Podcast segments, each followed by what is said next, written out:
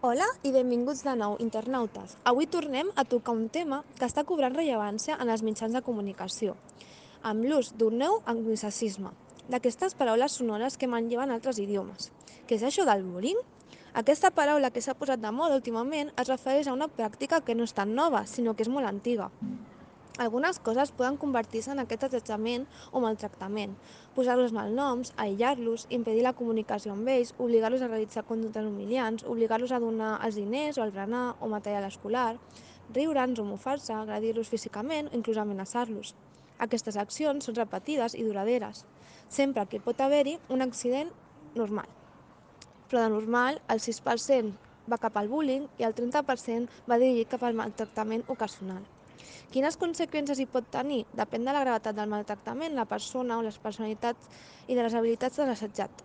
Trenca l'assetjat, ressentiment, sentir-se terriblement inferior o menyspreat, i això pot provocar depressió, trastorns de conducta disruptiva o alguna conducta suïcida. Qui poden ser els assetjadors a l'escola? Nois o noies amb baixa autoestima, però amb una gran necessitat de, de ser acceptats. Capacitat de lideratge, molta impulsivitat, sense respecte a les normes, escàs autocontrol, amb un grup que el recolza i normalment són coneguts per tots i fins i tot pels professors. Són els de sempre, aquells intel·ligents socials sense límits.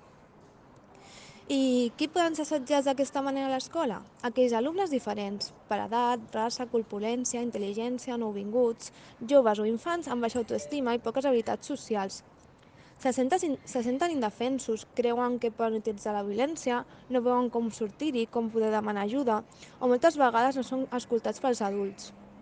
Tal com ens diu Maria Dotó en el seu article, al pròxim curs tots els centres educatius, ja siguin públics, privats o concertats, hauran de comptar amb un coordinador de benestar i protecció, que serà la figura de referència en els centres en els quals els nens poden acudir en cas de, ser, de ser víctimes de violència, de bullying o d'abús o maltractament.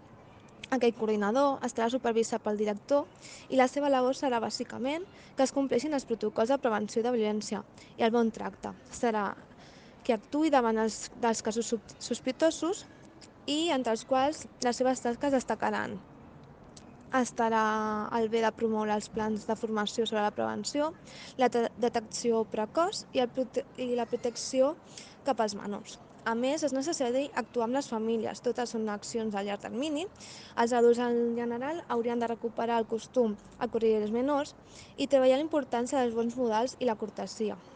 No esperar cap als problemes, desenvolupar accions preventives per tal de millorar el benestar dels fills.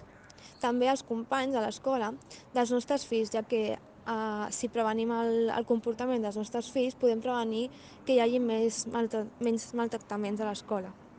Bé, fins aquí hem arribat avui. Recordeu que és important, com a referents adults, observar el comportament dels infants i dels joves, ajudar en la mesura que es pugui prevenir aquestes conductes. L'assetjament, eh, busquem millorar el present i el futur dels joves. Bé, com en altres programes, deixem clar que els temes tabú han de, han de ser treballats i han de crear-se eines per, per poder promoure la prevenció d'aquests tabús. Gràcies per les nostres oients, per escoltar-nos cada setmana i fins aviat, fins la setmana que ve.